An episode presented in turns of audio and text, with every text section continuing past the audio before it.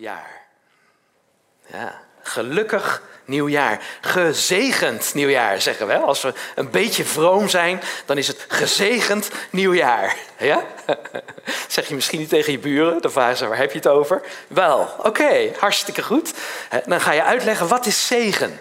Nou, zegen is het goede dat God uitspreekt en dat hij aan je wil geven. En dat komt vaak in beloftes naar ons toe. God geeft ons beloftes. Hij houdt zoveel van ons dat hij de dingen die hij wil geven verpakt in een belofte. En dan zegt hij, dat is voor jou. Ik spreek het uit en je mag het ontvangen en je mag het ontvouwen. Want beloftes zijn vaak dingen die van de tijd tevoorschijn komen. Ja. Nou, er zijn twee problemen als je het hebt over beloftes, waardoor ze eigenlijk niet aankomen. Het eerste is dat je zo in de problemen zit dat je denkt van het wordt niks met die beloftes. Dan raak je verbitterd, dan raak je het geloof kwijt. En dan zeg je, nou ja, God heeft gesproken, maar het zal wel. En God wil juist dat in zulke situaties wij gevoed worden met zijn liefde en met het feit dat hij gesproken heeft en dat we hem kunnen vertrouwen. Zodat we er zelf ook vertrouwen in krijgen. Met vertrouwen het jaar ingaan. Het kan ook zijn dat het zo goed met je gaat dat je een beetje onverschillig wordt over die beloftes en ze vergeet en denkt van, nou ja, het zal wel loslopen met die beloftes. Uh, ik ga wel door. Ook dan is het belangrijk dat er momenten zijn in je leven, en dat is nu, om te zeggen, wat wil God nou zeggen? En hoe brengt hij de beloftes zo naar ons toe dat we daar geloof in hebben? En niet denken van het hangt nog ergens van af. Ik moet eerst uit die problemen zijn. Hè? Of uh, ik moet eerst voldoen om die beloftes te ontvangen. Ik wil je meenemen in een verhaal, of eigenlijk naar een plek waar ik zelf regelmatig geweest ben en ook groepen mee naartoe neem in Israël. En dan beklimmen we eigenlijk een berg. Dat is heel grappig. In Israël zijn natuurlijk een heleboel bergen, maar er zijn een paar hele bijzondere bergen. En als je op die berg staat, ik ga daar vaak met groepen naartoe, dan sta je hoog. Dan kijk je in een dal en dan zie je aan de overkant ook weer zo'n steile berg liggen.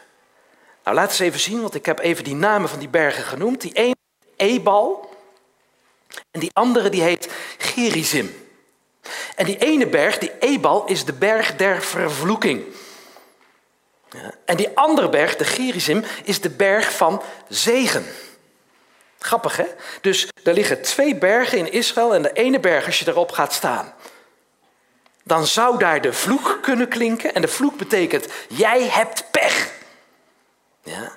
Geen zegen voor jou, alleen maar shit, alleen maar ellende, alleen maar ja, dat het je niet lukt en dat het je niet meezit en dat het niet goed gaat. En dat alles tegen zit en dat mensen tegen je zijn en dat relaties stuk lopen. Allemaal dat soort dingen. Vloek. Ja, vervloekt, dat is één berg.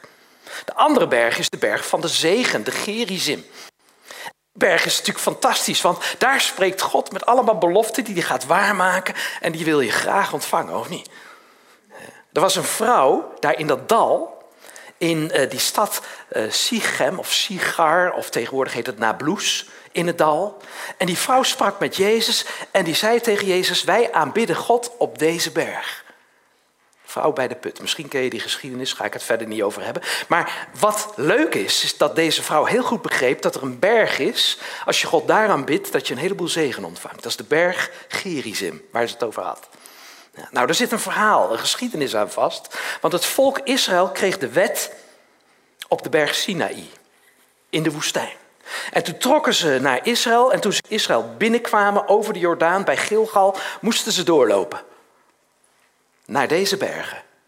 Naar deze bergen. De berg Gerizim en de berg Ebal. Daar was over gesproken door God met Mozes al in Deuteronomium 11. Dat kun je lezen. Want er was daar iets bijzonders wat ging gebeuren. Met dat volk. Iets wat heel erg fijn was, maar wat eigenlijk toch ook heel erg griezelig was. Want het zijn twee bergen. Hè? De berg van de zegen en de berg van de vloek. Ja. Daar moesten ze naartoe.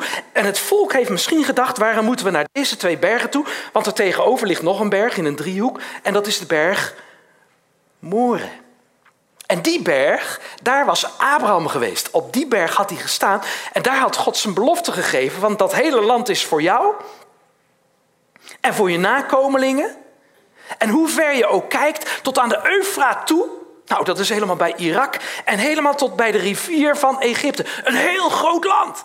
Dat zou het land Israël worden. Zo groot. Zo'n belofte. Geweldig. En je kinderen zouden daar gezegend zijn. Dat sprak God tegen Abraham. Dat is eigenlijk het vooruitzicht wat Israël ook meenam toen ze het beloofde land in gingen. Maar ze gingen niet naar die berg Horeb, niet naar die berg van de belofte van Abraham. Naar de berg waar God met genade komt. Leidde het volk wat de wet bij zich had naar die berg van de vervloeking, berg van de zegen. Nou, laten we even dat eerste plaatje zien. Dat komt uit de Tienerbijbel. Daar hebben we dat gewoon uitgetekend, hè? want daar staat het gewoon uitgelegd. Mensen die de Tienerbijbel lezen, die kennen dit verhaal al. Dan heb je hier, nee de volgende, sorry, laat maar gelijk de volgende zien. Dan heb je hier, klopt dat? Nou, hij komt wel. Dan heb je een berg, de berg Ebal. En God zegt tegen het volk, daar moet je de wet op zetten. Op de berg van de vloek. En dan maak je uh, die stenen maak je van kalk en dan schrijf je die tien geboden op. De wet moet daarop staan. Ja. En de helft van het volk, zes van die stammen van het volk, die moeten op die berg gaan staan, bij de wet. Ja? Dat is. Heb je hem niet? Staat, uh, staat hij er niet? Zit hij niet bij? Oké, nou. Laat het plaatje maar weg, want dat leidt alleen maar af. dat geeft niet. Goed. um, dus daar is dan de berg waar de wet op staat. Ik heb dat uitgetekend. Uh, een, een, een, donkerblauwe berg hè, met die twee stenen tafelen erop. En dan eigenlijk ook nog zo'n bliksemschicht. Hè, want dat is allemaal, ja, als je niet voldoet aan de wet, dan is er vloek. Daar moeten zes, de helft van de stammen moeten daar op gaan staan. Zes stammen. Die andere berg, de berg Gerizim van de zegen, daar moeten de andere zes stammen op gaan staan. Dat heb ik ook uitgetekend. Dat is natuurlijk mooi getekend hè? In, een mooie gloed van rood en geel en dat soort dingen. Een zon daarboven. Volgens mij staat het plaatje zelfs nog uh, de, de, de, duif van de Heilige Geest. Weet je wel? Dus allemaal symboliek voor de tieners. Zo van, wat betekent dat allemaal, papa, mama? Vertel het. Hè? Nou, nu krijg je te horen wat het is. Dus de ene helft en de andere helft. En wat er dan gebeurde, en dat lees je in Deuteronomium 28, dus een stukje verder, na die instructies. Wat je dan leest, dat is dat die ene helft moet gaan roepen naar die andere helft. Van de ene berg naar de andere berg. Ja, nou, dat is natuurlijk heel erg leuk als je te horen krijgt, gezegend ben je. Vanaf die berg van de zegen. En dan roept dat uit en in Deuteronomium 28 krijg je twaalf keer een zegen te horen. En als je het leest, denk je, wauw, dat wil ik ook wel. Je bent gezegend op het land, je bent gezegend in je werk, je zult de eerste zijn, niet de laatste. Allemaal van dat soort geweldige dingen, waarvan je zegt, ja, als God met je is, als hij die beloftes geeft, wat goed is het dan om te leven met hem. Wat een zegen, wat geweldig. Lijkt wel op de beloftes van Abraham, op die berg Horeb. Maar ja, we hebben wel de wet gekregen. Dus daar kunnen we niet staan. We moeten hier staan op die berg van de zegen. Want aan de andere kant, aan de overkant, vanaf die ebal, wordt ook geroepen. En weet je wat er dan geroepen wordt? Vervloekt ben je. Als je dit niet doet, als je dat niet doet. Het gaat niet goed met je als je niet voldoet. En als je het leest, dan denk je, wow, wow, dit is wel heel erg heftig en heel erg zwaar. Het gaat over ziektes die je krijgt en, en, en ongelukken en allemaal dat soort dingen. Vloek, echt vloek, echt vervelend. Vervloekt ben je. En het gekke is, dat staat voor de zegen. Dat staat voor de zegen in Deuteronomium 27. En dan ben je blij dat je Deuteronomium 28 leest, met die zegen. Maar als je dan doorleest, komen er nog een stel vloeken aan. Het gaat maar door met dat vervloekt worden. Het lijkt net alsof die zegen heel karig is en een beetje ingepakt zit in al dat vloeken. Wonderlijk is dat, hè? Dat is het Oude Testament, dat is de Bijbel die daarover spreekt. Dat is de symboliek van die twee bergen. Dat je denkt, help, leuk, oud en nieuw, het nieuwe jaar. Hè? Laat die zegen maar komen, maar help! Het is ingekapseld in allerlei vloek. Hoe komen we daaruit? Er is nog iets raars als je dat leest. Die helft van die stammen, die spreekt de vloek uit en als ze dat doen, dan is de instructie dat er beneden in het dal levieten staan. Dat is de stam die de dienst van God verrichtte, die vrijgesteld was om helemaal te zijn om tussen God en mensen uh, uh, te bemiddelen. Dus eigenlijk zou je kunnen zeggen, de geestelijke leiders en de geestelijke verzorgers en dat soort mensen, die stonden in het dal. En weet je wat die moesten doen? Als ze een vloek hoorden, uitgeschroepen worden. Je leest het echt, hè? ik verzin dat niet, dat is echt zo. Dan moeten ze heel hard roepen, Amen! Bij de vloek, hè? Als je niet doet wat God zegt, dan krijg je grote pech. Amen! Als je dit, doet goed, dit niet goed doet, dat niet goed doet, amen! Bij de zegen,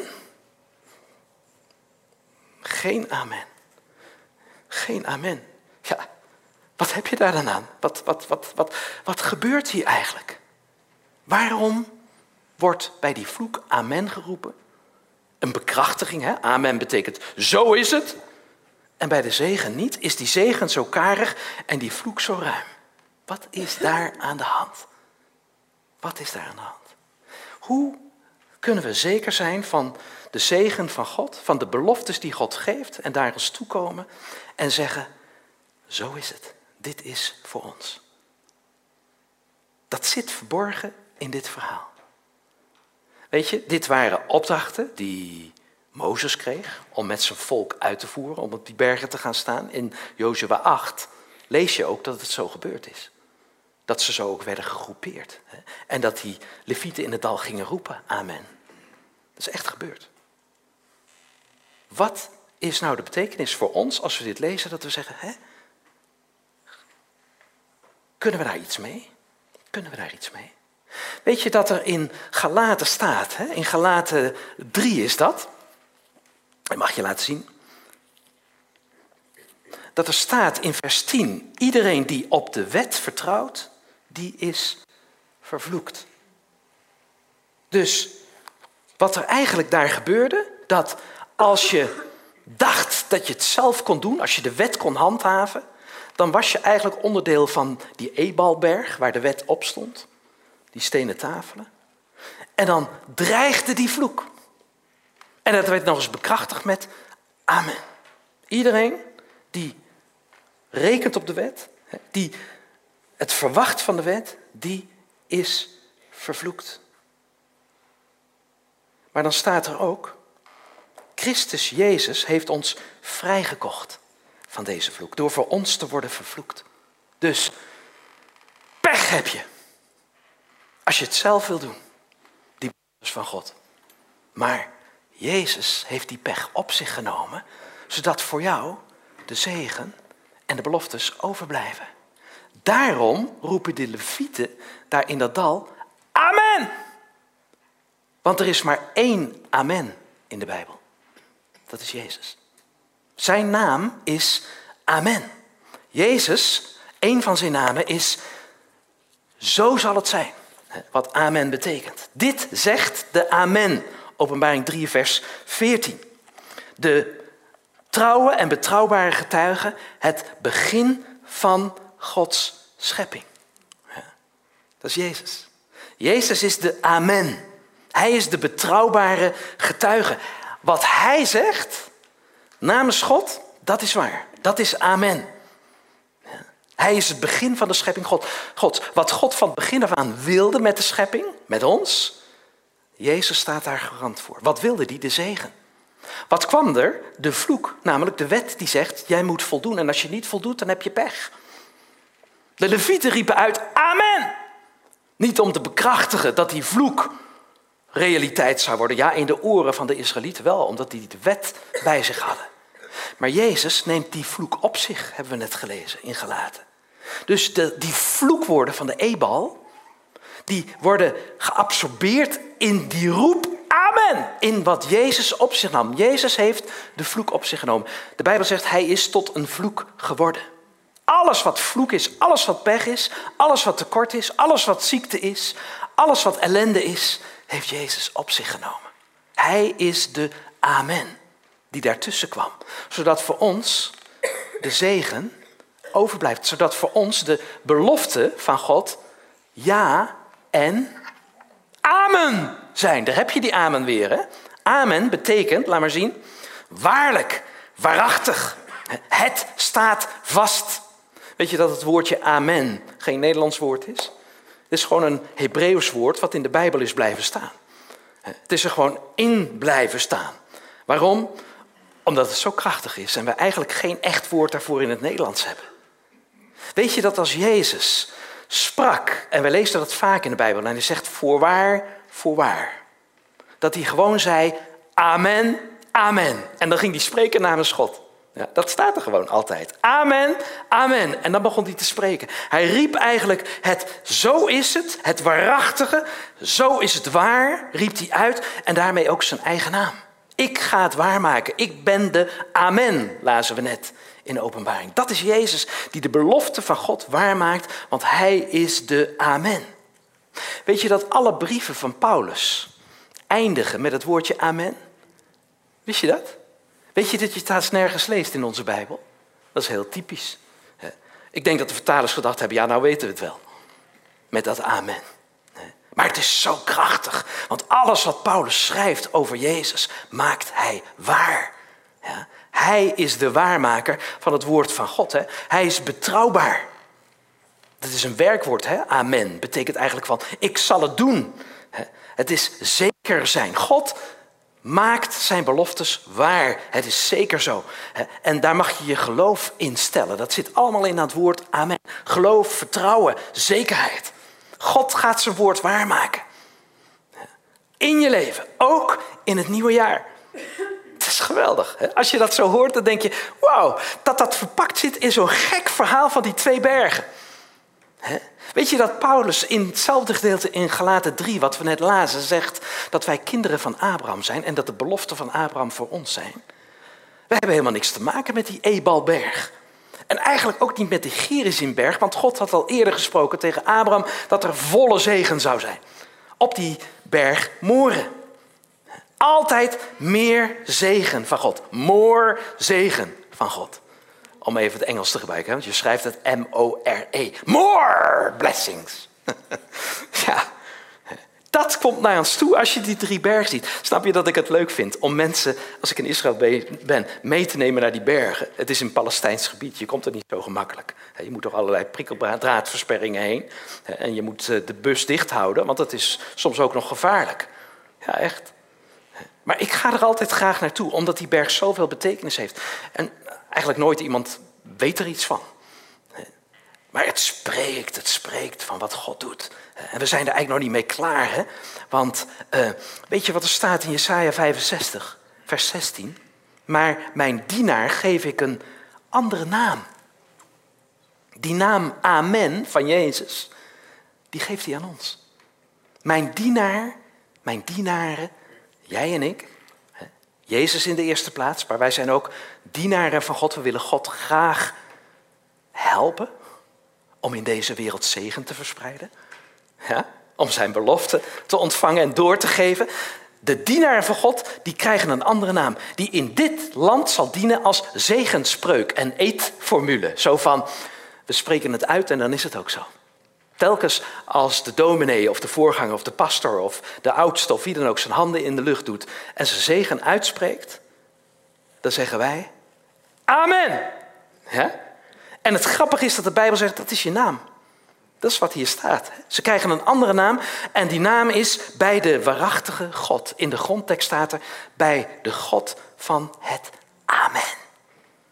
Dus de naam die aan God gegeven is, die aan Jezus gegeven is, is ook de naam die aan ons gegeven wordt. Wij zijn Gods Amen. Wij zijn degene waarvan God zegt, wat ik bedoel met deze schepping, met deze wereld, ga ik waarmaken door jou. Het is waar in jouw leven. Jij bent mijn amen. Jij bent mijn zekerheid. Jij bent mijn vertrouwen. Jij bent mijn geloof. Jij gaat het uitwerken, zegt God. Dat wat Hij wil geven aan je, zijn amen, Daarvan mag je zeggen, dat ben ik geworden. Heeft God ooit een belofte in je leven gegeven? Heb je dat is al zo toegeëigend dat je zegt van, dat is mijn identiteit geworden? Dat kan hè, dat kan. Toen ik hiermee bezig was, dacht ik van, wat is nou Gods belofte voor mijn leven? Ook voor dit jaar, maar misschien al een lange lijn daarin. En toen kwam ik bij die tekst uit die ik zo vaak gebruik en zo koester. Waarin Jezus zegt, niet jij hebt mij, maar ik heb jou uitgekozen. Het gaat over mij. Ik heb al zo jong gemerkt dat Jezus zijn vinger naar mij uitstak en zei, ik heb je op het oog. Ik kies jou uit, dat is leuk. Dat je merkt van je grote held, dat hij zegt, ik heb wat met je. Nou, dat is Jezus in mijn leven als kind al geweest. Hè? Ik heb je uitgekozen. Ik heb je aangewezen opdat je zou heen gaan. Ik citeer die tekst, hè? Johannes 15, vers 16. Opdat je zou heen gaan en vrucht zou dragen. Blijvende vrucht. Nou, dat is iets van, oké, ik heb van God leven ontvangen. Ik heb talenten ontvangen. Ik heb kennis ontvangen. Ik heb mogelijkheden gekregen. Zijn deuren opengegaan. Ik heb contacten. Ik heb mensen. Weet ik wat allemaal. En daarmee mag ik leven doorgeven. Dus wat ik zelf ontvang, dat is vrucht dragen. Geef ik door. Ik stop er iets in van mezelf en ik zie het zich vermenigvuldigen. Een heel simpel voorbeeld zijn natuurlijk die boeken. Ik schrijf een boek en dat vermenigvuldigt zich. Ik heb in tien jaar vijftien boeken geschreven over genade. Ja, wat erin zit, komt eruit. En ik heb laatst geteld, het zou een hele stadion vullen van mensen die het allemaal gelezen hebben. En misschien wel twee stadions, want je weet niet of een boek door één persoon of door twee personen wordt gelezen. Maar dat is dus je leven vermenigvuldigen. Wat ik onder andere in boeken of in spreekbeurten, want dat gaat ook maar rond, doe. Maar wat al begint, en God kijkt er ook naar, gewoon met wat heb je nou gegeven aan je kinderen? Dat is ook vrucht dragen. En wat zie je daarvan terug? Als je dan wat ouder wordt, wordt het steeds leuker.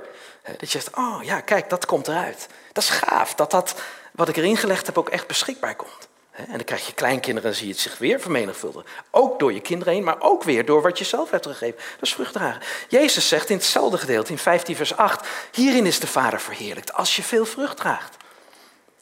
God wordt blij, God gaat glimmen. Als hij ziet van wat ik erin gestopt heb, komt eruit. Ja, dat is het plezier van elke vader. Zeker van God de Vader. Maar dan volgt er een belofte. Ik heb je uitgekozen, aangewezen opdat je vrucht zou dragen en je vrucht zou blijven.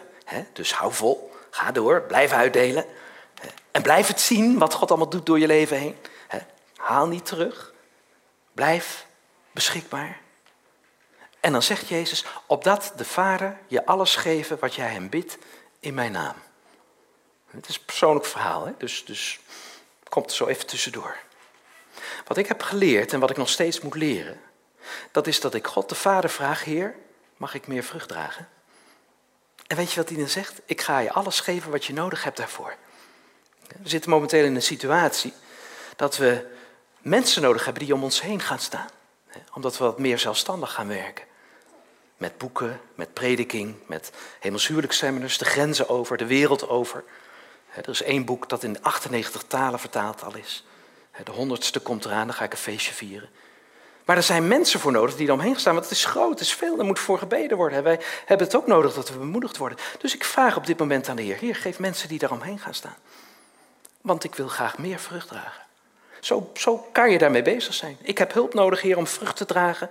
Heer, in mijn gezin, ik wil vrucht dragen, het gaat niet altijd gemakkelijk. Geef wat ik nodig heb om dat te doen. Alsjeblieft. En de Heer zegt, ik heb het je lang beloofd. Jij vraagt het, nu kan ik het ook waarmaken. Ook jij bent de amen, want ik ben de amen.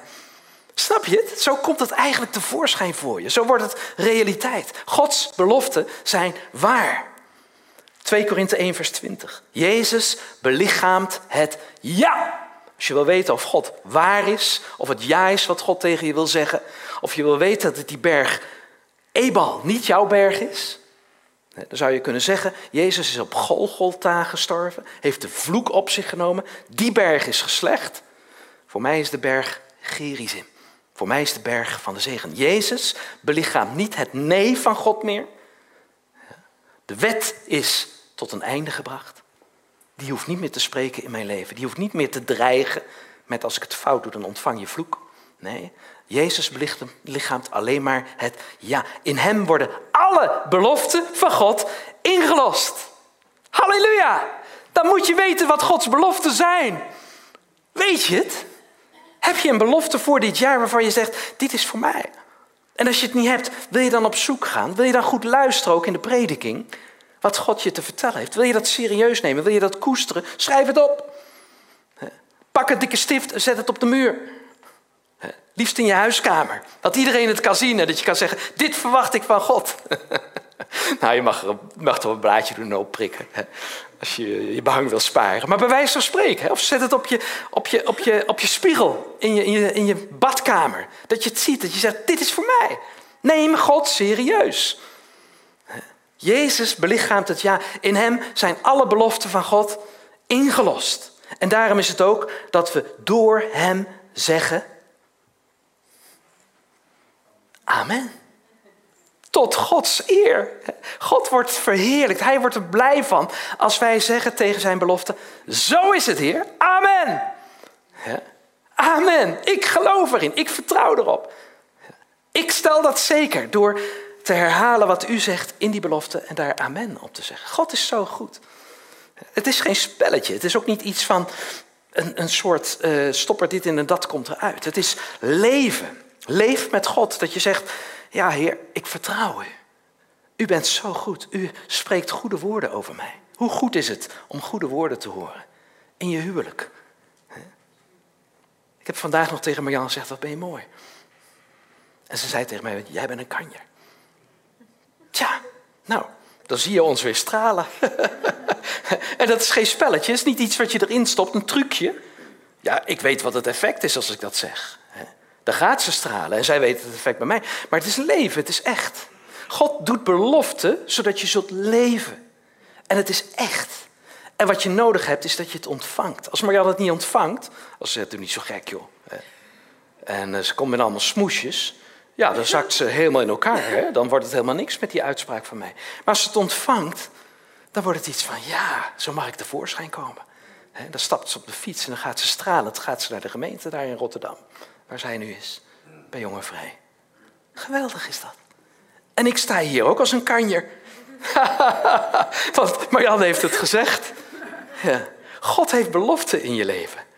Hij heeft beloften in je leven. En hij zegt, ik ga ze waarmaken. Ik spreek ze uit. Wil je het ontvangen? Ga je daarnaar leven? Gaat dat uitgewerkt worden? En wordt het iets wat tot zegen wordt in jouw leven? Wat leuk is, je zou thuis eens Deuteronomium 28 moeten lezen. En achter elke belofte amen moeten zeggen. Voor jezelf. Dat zou je eigenlijk eens moeten doen. Misschien moeten we het hier doen. misschien moeten we het gewoon gaan doen. Laten we eens even kijken. Deuteronomium 28. Even opzoeken. En uh, ik heb ze volgens mij ook, ja, ik heb ze geprojecteerd, dus we kunnen dat zo doen. Dan gaan we naar uh, uh, 28 vers 3.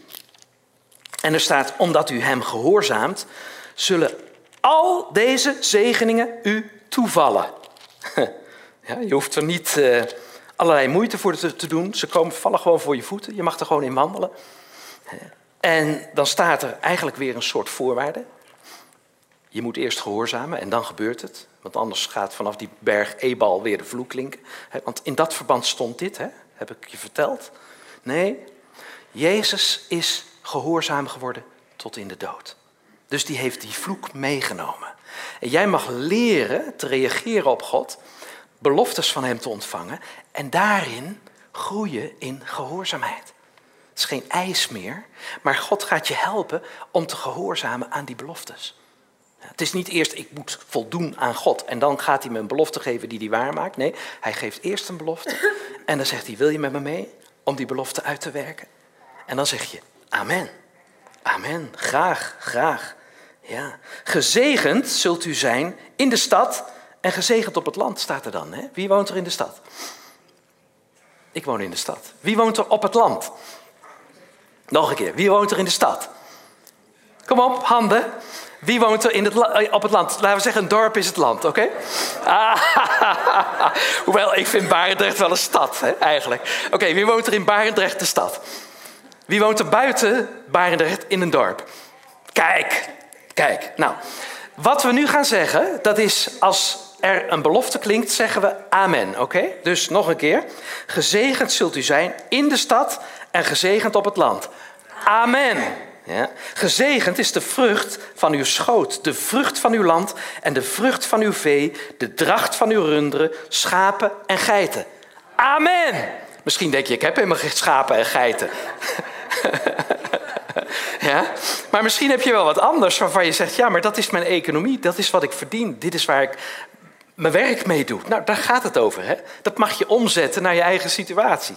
Natuurlijk. Hè? Want we zijn geen boeren over het algemeen meer, zoals toen. De volgende, gezegend is de oogst die u binnenhaalt en het deeg dat u kneedt. Amen. Ja? Er zijn tijden dat je mag ophalen, dat je, dat je vrucht krijgt. Hè? Gewoon je salaris wat je binnenkrijgt. En je zegt dat wordt gezegend. Amen. Amen. Gezegend zult u zijn in uw komen en uw gaan. Amen. Dit vind ik een fantastische. Hoe vaak is het niet zo dat we van de ene plaats naar de andere gaan of een besluit nemen om te veranderen en dat we bang zijn dat er een vloek achter ons aankomt? Dat mensen het niet snappen en dat ze boos worden of weet ik wat. God zegt, als je gaat, zul je gezegend zijn. Hoe vaak is het niet zo dat we bang zijn om in een nieuwe situatie te stappen? verhuizing, ander werk, uh, nieuwe familie, wat dan ook. Hè? God zegt, ik zal je zegenen in je komen. Dat is toch fantastisch, hè? Dit is echt iets waarvan je zegt, nou heer, kom maar met die beloftes. We zeggen er amen op. Hè? De Heer zal u de overwinning schenken op alle vijanden die u aanvallen. Als één man zullen ze op u afkomen. Maar naar alle kanten stuiven ze uiteen. Amen. De Heer zal zijn zegen gebieden, laten rusten, gebieden staat er letterlijk, op uw voorraad schuren en op alle arbeid die u verricht. Amen. Hij zal u zegenen in het land dat hij u geeft. Amen. De Heer zal zijn plechtige belofte gestand doen en u tot een volk maken dat aan hem is gewijd. Amen. Uh, alle andere volken zullen opmerken dat u de Heer toebehoort. En ze zullen hoog tegen u opzien. Amen. Dat is leuk, hè? Wauw. De Heer zal u ruim bedelen met kinderen. En ook met vee en akkers overvloedig zegenen. Amen. Zeg je dan, hè? De Heer zal de rijk gevulde schatkamer van de hemel openen om uw akkers op de juiste tijd regen te geven. Amen. Hij zal uw arbeid op het land zo zegenen dat u aan veel volken leningen kunt verschaffen, zonder zelf iets te hoeven lenen. Wow, amen. Daar moet je wel wat geloof voor hebben, hè? Echt wel. Maar God zegt, zo zal het je vergaan. Uit de schulden, in de zegen om andere mensen te zegenen. Daar gaat het over. Hè? Amen. De Heer, dit is het leukste, zal u, en de laatste. De Heer zal u altijd de eerste plaats laten bekleden. Vind ik tenminste. Hè? Ik ben een mannetje van, ik ga graag voor nummer één. Oké. De Heer zal u altijd de eerste plaats laten bekleden en nooit de laatste. U zult iedereen voorbij streven en nooit achterop raken. Amen. Wow, word ik toch nog die schaatser die nummer één wordt, hè, waar ik als kind van droomde. Yes, dank u Heer. Amen. Tja, dit is geweldig hè. Dit staat dus bij die berg Gerizim. De vloek laten we achter ons. Jezus belichaamt het ja en amen van al Gods beloften. Wat is Gods belofte voor jou? In dit moment van heroriëntatie, van vernieuwing, van uh, bezinning, van een nieuw jaar wat voor ons ligt. Wat heeft God gesproken? Wat heb je serieus genomen? Misschien van een heel ver verleden. Misschien heb je zo'n lijftekst zoals ik die ook heb. Of misschien heeft God iets dichtbij gebracht in deze tijd. Dat je dacht, oh ja, Willem de Vink, goed dat je dat zegt. Waar stond dat ook weer? Wat was dat ook weer? Ga zoeken. Neem het mee. En zeg, God, dit is mijn amen voor dit jaar voor uw eer. Want de Vader wordt verheerlijkt. God zegt, ik word blij als wat ik erin gestopt heb er ook uitkomt. Ja. En dat gunnen we hem zo graag, want hij is zo goed. We houden van hem. We leven, we bestaan vanwege hem. We zijn dankbaar voor alles wat God geeft. En die vloek laten we achter ons. Die twijfel, die laten we achter ons. Deze gemeente is een gemeente om vrucht te dragen. Om zich te vermenigvuldigen. God heeft gesproken. Je mag dat koesteren en je mag zeggen, daar gaan we dan ook op uit. Daar gaan we ons in uh, bewegen. Daar gaan we ons naar gedragen. Dat dat gaat gebeuren. Geldt voor ons allemaal, geldt ook voor ons persoonlijk. Geldt ook voor onze kinderen, die hebben ook beloftes ontvangen. Onze kleinkinderen, onze ouders. God gaat door met zijn werk. En we nemen hem heel serieus. Dank u Jezus, zullen we bidden. Jezus, in u zijn alle beloftes van God. Ja en amen. U hebt ons deze ochtend op een nieuwe manier leren zien wat dat betekent. Dat dat amen, wat misschien soms een clichéwoordje is geworden, dat flap je er zomaar uit. Maar dat dat werkelijk een realiteit is die door Jezus wordt belichaamd. U bent Gods amen. U hebt het volbracht, u hebt het uitgewerkt en u doet dat ook in mijn leven. Want ook ik mag die naam, amen, me toe-eigenen en zeggen, zo zal ik heten. En dank u Heer, dat u dat gaat bevestigen. Heer, maak onze gedachten, onze, ons bewustzijn open voor uw belofte en wat u daarmee wilt doen in de praktijk van ons leven. Geef ons daar zicht op. Help ons om dat te koesteren, om dat serieus te nemen. Om dat bij wijze van spreken zoals de Israëlieten dat moesten doen, op hun voorhoofd te bewaren. Nou, laten we dat maar niet letterlijk doen, maar wel in ons hoofd. Op onze arm te, te, te dragen. Gewoon dat bij wat we doen, dat we ons daar bewust van zijn. Dat we leven vanuit uw belofte. Dat we er van daaruit denken en dat we daar ook vanuit wandelen in ons dagelijks leven. Dank u voor het uitzicht vanaf deze berg. Wat goed dat die vrouw bij de put zei: Wij aanbidden God op deze berg. De berg van de belofte. Daar wordt u aanbeden. Als we geloven, Heer, dat u uw woord waarmaakt, kunnen we dat alleen maar doen en willen we dat alleen maar doen. Door te zeggen: U bent zo groot. U bent zo goed. U hebt het zo goed bedacht. Heer, het komt soms in wonderlijke ja, beelden en, en, en verhalen naar ons toe. Maar het is altijd weer Jezus die we zien. En het is altijd weer uw heerlijkheid waar we ons over verwonderen. U vult ons, Heer, met een diep besef van het volmaakte leven wat u ons gunt. En wat nog niet volmaakt is, Heer, het is ingepakt in de beloftes dat het zo zal zijn. Zo gaan we de toekomst in. Dank u dat u ons daarin troost en bemoedigt, herstelt en opricht en bruikbaar en vruchtbaar maakt. Ter wille van al die mensen van wie u zoveel houdt. Maar u slaat ons niet over, Heer. U zegent ons in alles wat we nodig hebben. Zegen. Gods goede woord, wat Hij zal uitwerken in de praktijk van je dagelijks leven. Amen. Amen. Amen. Amen.